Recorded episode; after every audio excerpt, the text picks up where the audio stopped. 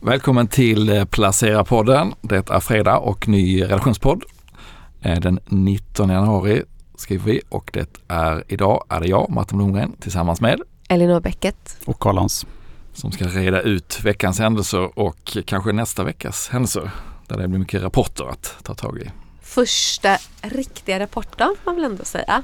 Smygstartade Ja. lite igår. Just det, vi har redan kört igång. Ja. Mm. Avanza och Investor och vilka var det mer? EQT va? EQT körde igår ja, TF Bank Mm. var idag också. Och en vinstvarning från Peab. Ja, precis. Mm. En del har, kunde inte vänta. Nej. Den skulle ut. Minus 9 procent Ja, Ja. det rimligt. reaktionen. Ja. Och Skanska har ju vinstvarnat innan och det är tufft i bygg och framförallt bostad. Så att eh, inte helt, om man skulle ha en så här misstänkta lista så hade väl Peab kanske varit på den. Väldigt sidan. högt upp på den kanske. Ja. Mm. Och vi har haft fler vinstvarningar. Vi har haft Electrolux. Electrolux kom nästan samtidigt som vi satt på det förra veckan. Och sen kom Resursia som du är inne på. Som var lite konstig. Det var väldigt koncentrerat i december och Ja, vi försökte ju, är, är det Black, Black eh, Black Friday, Friday. som inte betalas? Ja. Nej, det kändes konstigt. ja, Men, det var eh, mycket osäkerhet i den tyckte jag också. De pratar om december och det är väldigt konsument, konsumentlån i deras låda. Och det är en ganska ny vd som man också är det lite utstädning, att man kastar ut precis allt. Det brukar alltid vara så när en ny vd tillträder att de försöker ta ut liken ur Det brukar ju vara det, ja. Mm. jag det hörde är en ju- annan podd de pratade om det nästan var någon, kunde vara någon form av bedrägeri. Oj, ja, det kanske var att ta i eller? Ja. Jag hoppas det. Men det är ju, de pratade också om att det är deras modeller där som för kreditförluster som har drivit det här. Så att, eh, ja, det var väldigt mycket oklarheter. Så det blir intressant att se hur de andra, både stora och små bankerna rapporterar om det är isolerat till resurs eller om det är en bransch, eh. Och frågan är om det är någon form av bra temperaturmätare på konjunkturen eller inte. Mm. För vi snackar ju ändå, det är ju inte kanske den sunda ekonomin som tar den här typen av lån utan det är ju folk som kanske har det ganska dåligt redan från början. Mm. Mm. Men just att de pratade om att det accelererar på något sätt i december. Det var det som var lite stack ut lite, inte bara att det var ett dåligt kvartal. Mm. Mm. Ja, Det blir intressant att se längre fram här och, och även kanske kolla då på, jag tänker på lyxbolag och sånt här, hur, Ja. de, hur de går. Nu hade vi ju Richemont, gjorde ju faktiskt en omvänd vinstvarning här eh, i veckan då. Eh, så det drog upp lyxbolagen in lite grann Mm. tillfälligt nu i alla fall. Men eh, LVM blir ju väldigt intressant att se hur det går. Verkligen. Och Och så- sen har vi haft Kina-oro och lite högre USA-långräntor också som eh, har så börsen är ner 3% i år. Men på Lyxstad och samtidigt kommer då de här som säljer eh, lyxklockor i England med någon vinstvarning. Jag kommer inte ihåg vad de heter. Burberry. Nej, det är någon De åter, återförsäljare av schweiziska klockor i Storbritannien. Mm. Eh, varnade då. Så att det är spretigt i, inom sektorer också, inte bara Mm. generellt. Lyxen spretar. Lyxen spretar vilt, spreadar. Mm. Ja, Mm. men på eh, börserna fortsätter att mm, stampa lite va, kan man säga. Jag kollade snabbt på Nasdaq 100 här bara. Ja. Och då har vi ju fortsatt eh, Nvidia eh, vinnare, klar vinnare med upp 13 procent. Mm. Cybersäkerhet fortsätter gå jättebra också. Palo Alto upp 12. Crowdstrike går bra också. Och TCMC hade väl en jättebra rapport va? Ja, Ja, halvledare. också upp. Eh, Medan då eh, om man kollar på Nasdaq 100 då så är det ju faktiskt Tesla i absoluta botten. Eh, är ju ner 13 procent i år. Mm. Eh, för att sänka priserna i Kina bland annat. Apple går svagt, ner 5 procent. Mm. Eh, också då problem med försäljning i Kina ryktas det om. Får vi se om det stämmer. Så att eh, det spretar vilt här också. Ja, det här tomterallyt kanske var lite väl eh, Häftigt. hett. Ja, lite så att det har gått, inte gått in i väggen men det har ju bromsat rejält i början på året här. Och visst är det så att det är lite en, eh, eh, vad ska man säga, nästan läskigt att läsa hur investerarna, vad de tror och förväntar sig av 2024, Mm. eller hur? Ja, men alltså, du är inne på Kina där och eh, den här BOFA-enkäten som kommer varje månad kom nu i veckan. som Ja, det var den jag tänkte Det var det, ja. Ja. Som intervjuar en massa väldigt stora investerare och jag tyckte det var inte så mycket som stack ut den här månaden men att man tror inte så gott om Kina närmaste 12 månaderna var en faktor som stack ut jämfört med tidigare.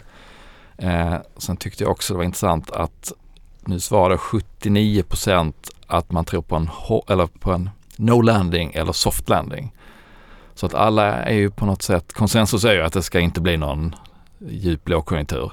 Samtidigt som konsensus är att räntorna ska ner jättemycket det här året.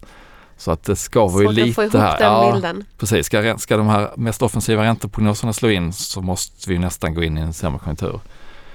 Och då kanske det inte är soft, mjuk, no landing alternativet. Så att det, det går inte riktigt ihop här och det är kanske det man som spelar ut på börsen här nu då, att man, att man drar sig tillbaka lite grann och kassan gick upp lite faktiskt i snitt också hos förvaltarna. Så, så en liten, eh, liten avkylning i början på Mm. året. Det är väl rimligt. Ja det är rimligt men nu, nu blir det väl rapporterna då som får ta över från eh, makro och sätta tonen kommande veckor så får vi se om, om de här lite svaga makrosignalerna syns i bolagen eller inte.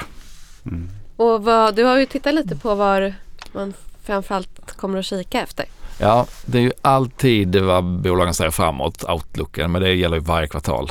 Men jag försökte vaska fram några frågor som kanske är mer specifika för det här kvartalet. Eh, och då skulle jag säga att precis som förra kvartalet Eh, är det lagerneddragningar eller är det en underliggande intäktsförsämring? Måste man försöka bena ut om det bara är kunderna som drar ner på lager eller om de faktiskt ser en sämre efterfrågan. Eh, och sen är det ju marginalerna, hur bra står man emot då? Nu har det varit trots allt för många bolag en ganska lång period med bra, bra efterfrågan, ganska lätt att höja priserna och nu går vi in i en period när det kanske inte är lika lätt att höja priserna och som sagt efterfrågan blir sämre. Men kanske lägre priser på insatsvaror. Det borde det vara och, och lite valuta medhjälp för vissa också som det inte har varit på länge. Men, eh, men vissa bolag har ju säkert har ju sagt att de är väldigt förberedda för en nedgång och det, då vill man ju se det hända också. Eh, Så att där finns väl risken tror jag då, de som, de, som är högt värderade, där marknaden tror att de är förberedda på en, en efterfråganedgång kan hålla upp marginalerna men inte lyckas göra det. Då kan det bli en riktig, riktig snyting tror jag när man får en, både en kanske multipel nedgång då och att eh, analytikerna behöver sänka prognoserna för bolaget. Så det måste man hålla koll på och sen är det ju utdelningar eftersom det är fjärde kvartalet så kommer då styrelseförslagen till utdelningar. Um, speciellt de som är, ses som högutdelare är det viktigt att de inte sviker då eller kommer med besvikelser. Telia, Tele2 klassiska högutdelare men även Volvo ligger ju högt. Bra, eh, bra balansräkning och har väl blivit ett, ett, eh, har höjt sin lägsta nivå. Och idag har vi både Investor och Avanza som ju kommer. Ja. Högre förslag än väntat. Samtidigt som Peab då som vinstvarnade sänkte sin. Så att det finns ju ett signalvärde i utdelningarna som kanske är större än själva vad ska man säga, siffran i kronor. Utan signalerar man att eh, vi drar, drar tillbaka utdelningen och pausar eller sänker den kraftigt för att vi ser att det blir tuffare då väger det tyngre än själva utdelningsnivån i sig. Så det ska man också hålla koll på. Eh, och sen till sist innan vi lämnar det här kanske så tror jag att skuld det är lätt att glömma att skulderna fortfarande är väldigt höga hos många bolag och att räntenivåerna är höga nu när man börjar titta framåt mot en situation där räntorna ska ner. Men eh, i det här kvartalet som man rapporterar nu, fjärde kvartalet, så kommer ju fortfarande många att ha mycket högre räntenetto och ha kanske skulder som, eh, som deras långivare inte tycker är, är okej i förhållande till den vinst de gör. Så att, eh, de som är lite pressade kanske det kan komma nyemissionsbesked eller besked att man måste sälja delar då. Fastighetsbolag till exempel. Så att den eh, pucken ska man också hålla lite koll på. Om man ska sammanfatta det. Mycket att hålla koll på. Mycket att hålla koll på, ja. Men apropå insatsvaror. Jag har ju skrivit lite om läget eh, på eh, råvarumarknaden. Ja, Jag intervjuade Christian Kopfer som är råvaruanalytiker på Handelsbanken. Eh, och det är ju också, råvarupriser går ju i cykler som ju hänger såklart ihop med konjunkturen. Så det är också lite intressant att titta på det av den anledningen. Och då kan man ju då eh, se att vi är i princip i botten. Och det till och med eh, börjar att liksom, han kallar det för gröna skott. mm. Att eh, det börjar liksom vända i de, många av de här basmetallerna. Det som också har varit undantaget då, det är koppar. Som ju tidigare brukar ha varit en ganska bra Konjunkturindikator va? Exakt. Dr. Copper liksom. Ja men precis, men det är inte det längre. Och det är ju på grund av den här elektrifieringen. Det är så mycket koppar som behövs. Att, Det är en superkonjunktur. precis, så, att det, här- eh, så han pratar mycket om det här konjunkturella mot det strukturella. Och där är det liksom det strukturella som har haft liksom överhanden över det konjunkturella. Så de, de har liksom hållit sig uppe, kopparpriset. Liksom oljepriset som ju fortfarande är ganska högt. Eh, så, men eh, man kan se att det liksom bottnar ur. Men då ligger ju, ska ju tilläggas att de här ligger ju, den här cykeln ligger ju ganska långt fram. Jag skulle precis säga det, om han pratar gröna skott nu då låter det som att även eh, råvarumarknaden räknar med soft eller no landing och att det sen ska ta fart igen nästa år kanske då. Ja men precis. Så ja, det har jag väl kikat på lite och sen så pratar vi också lite om eh, eh, Boliden och SSAB Mm. och han är väldigt imponerad av SSAB, inte så imponerad av Boliden. Eh, jag själv äger Boliden och inte SSAB så det, det, det gör att jag får, får väl titta lite Får på det sluta där. intervjua honom ja. helt enkelt. ja, precis. Eh, men, eh, nej, men Boliden har mycket, haft mycket strul. Mm. Eh, Ja det brann väl ordentligt i någon det gjorde det till exempel men det är bara en, en sak i, i raden av problem, operationella problem. Eh, så ja, det är... Eh, Men hade han någon eh, stark syn på oljan? Jag tänker, med allt som händer i Mellanöstern skulle man kunna Ja, tänka den- sig att det var, hade abs- exploderat. Absolut. Och oljepriset är ju Alltså det är intressant av så väldigt många faktorer. För dels är det ju väldigt bra med ett lågt oljepris för nästan alla. Ja. Eh, förutom de här oljeproducerande länderna. Eh, men eh, nej. Eh, och nu är det väl en eh, premie på runt 10 dollar var hans liksom, bedömning på grund av den här geopolitiska, framförallt det som händer där kring Röda havet med Mm. Fraktproblem. Eh, och det här kan ju också vara inflationsdrivande så det är av högsta vikt. Men han trodde att det kommer höjas under året. Och mycket på grund av att då till exempel OPEC Mm. håller priserna uppe. Och eh, kanske då att, återigen, att det kanske inte blir en sån hård landning. Nej. Så ja. En annan en intressant eh, konjunktur som är väldigt mycket mer lokal och på en helt annan mikronivå. Men det tyckte jag ändå var intressant det är ju att väldigt många av de här skatteanstånden som var från Corona nu, börjar- de lö- börjar löpa ut nu. Och det är väldigt många företag som inte kan betala. Mm. Och vi, det var ju mycket snack då för några år sedan om massa nollräntemiljö, zombieföretag, att det skulle vara liksom lite sunt nästan om vissa slås ut. Och det är väl kanske det man kommer se nu då. Mm. Eh, och det, det känns alltid lättare att prata om det innan det händer. Och när det händer så känns det inte så Men det är, så- då är väldigt vi på tråkigt. svenska. Det är svenska och det är framförallt småbolag. Ja. Eh, och de som redan nu inte kan betala och som är i konkursförfarande, inte så oväntat byggföretag, Mm. mindre byggföretag. Och de som, som det kanske liksom blir då de närmaste tiden som vars anstånd löper ut, det är restaurangföretag. Så Ja. inte så börspåverkande men ändå en, eh, en liksom, säger något om Ja. konjunkturen och kan ju påverka liksom på ett annat sätt. De är ju säkert Indirekt. kunder till många börsbolag så att Ja. indirekt kan det väl eh, Säkert. Det absolut påverkan. spela roll. Lägga Ja. lite sodi på stämningen Ja. Ja. ytterligare. Men det, eh, jag nämnde utdelningarna där som är en sak att hålla koll på i, i just den här rapportperioden. Eh, Kalle, jag vet du har kollat på en del utdelningsbolag. Ja, absolut. Eh, Jag har kollat både på lite tyska utdelningsaktier och även på de bolagen som eh, delat ut längst då i, alltså som aldrig har ställt in utdelning Ja. kan man säga, eh, under längst period. Om man kollar lite snabbt på Tyskland bara så eh, det intressanta där är ju då att eh, det finns några bolag som förväntas öka utdelningen nästa år. Och det är ju då framförallt de här riktiga utdelningstrotjänarna då som försäkringsbolaget Allians till exempel eh, ska då höja från 12,10 till 12,90 euro eh, i år väntas den göra. Eh, Münchner Rückversicherung väntas också höja utdelningen eh, i vanlig ordning då får man säga. Eh, och även Hannover Rück. Eh, Det är också försä- det är det är försäkringsbolag, försäkringsbolag alltihopa ja. Eh, Münchner Rück är då återförsäkringsbolag då. Så att de är ju tidigare i kedjan kan man säga. Eh, annars så är det väl då Siemensbolagen som ska höja, eller flera av Siemensbolagen, Siemens Healthineers och eh, eh, moderbolaget Siemens eh, och även då eh, Infineon väntas höja Mhm. som då är chiptillverkare.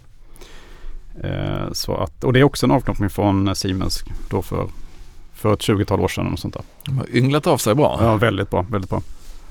Det har ju varit en del missöden också när det gäller Ja. Siemens Energy då. vi får se om de lyckas få ordning på toppet här under. Det borde ju fungera kan man tänka sig.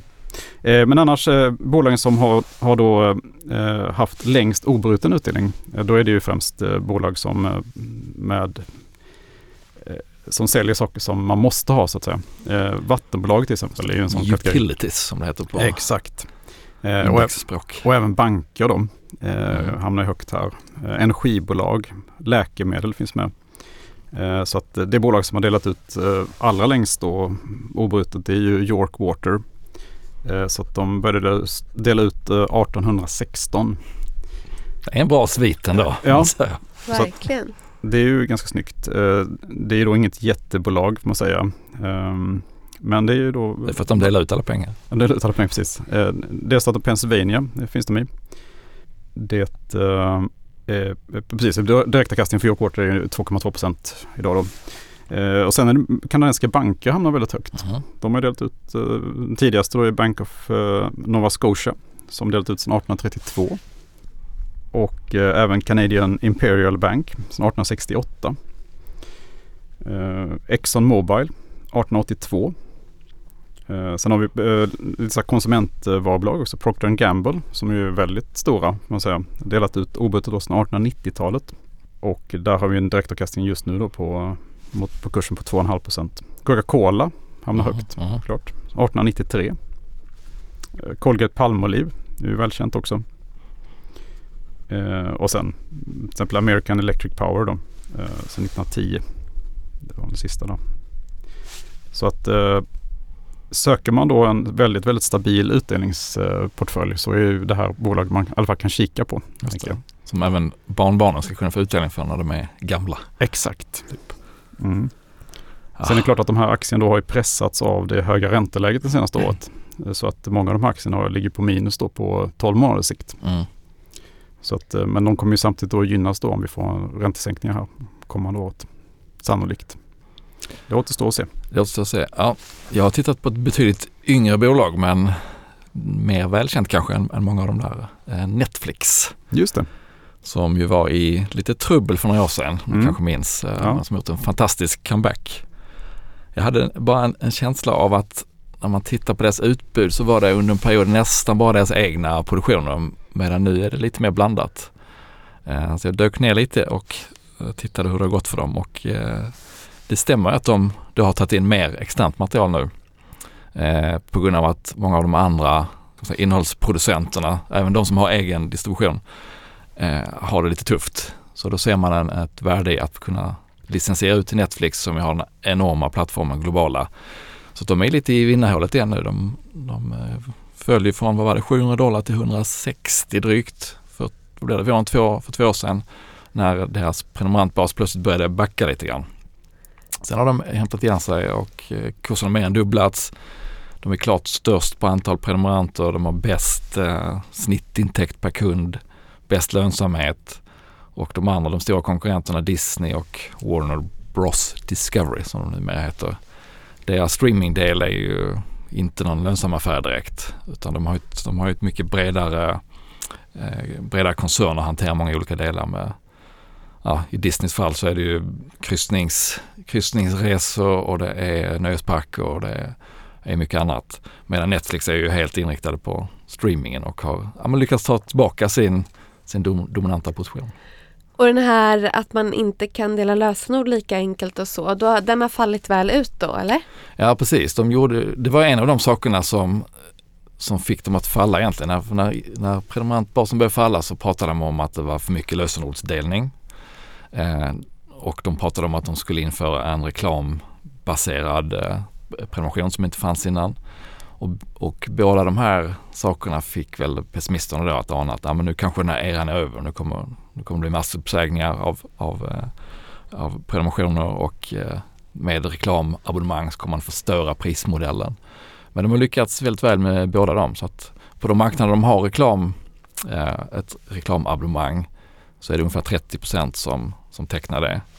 Och det, det, det finns inte i Sverige men det, i USA till exempel eh, så ligger det kring 7 dollar för det här medan de har ett snitt på att de ligger på 14-15 dollar på i amerikanska marknaden för ska säga, vanliga abonnemang.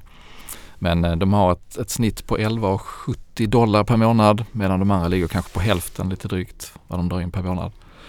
Eh, och kan då som sagt köpa in, köpa in externt material plus att de gör det egna materialet så att de har ett utbud som uppenbarligen då tilltalar väldigt många och fått bra lönsamhet. Så att en, ja, en imponerande comeback och lite svårt att se hur någon ska kunna eh, peta dem från tronen nu med tanke på att konkurrenterna lite grann har backat tillbaka och föder Netflix med material också. Så att en, en imponerande comeback. Hur är värderingen då? Ja, P, det är ju naturligtvis högst värdering på dem då jämfört med konkurrenterna också eftersom det går så bra. Men P40 på förra året om, om prognoserna för helåret håller. Rapporten kommer nästa vecka. Eh, men faller ganska snabbt till P30 på 2024. Mm. Så det är högt men det är ju inte astronomiskt på något sätt i förhållande till positionen. Nej, det är inte som det kan vara på de börserna heller. Nej, det är inte mm. det. Och sen, eh, ja, det här var ingen, ingen rak liksom, köp eller säljanalys utan mer en genomgång av, eh, mm. av vad som har hänt. Men eh, så jag skulle nog, jag skulle inte sätta något starkt köp på det här på de här nivåerna. Mm. Men om jag ska köpa någon av de här så är det nog ändå Netflix som, mm.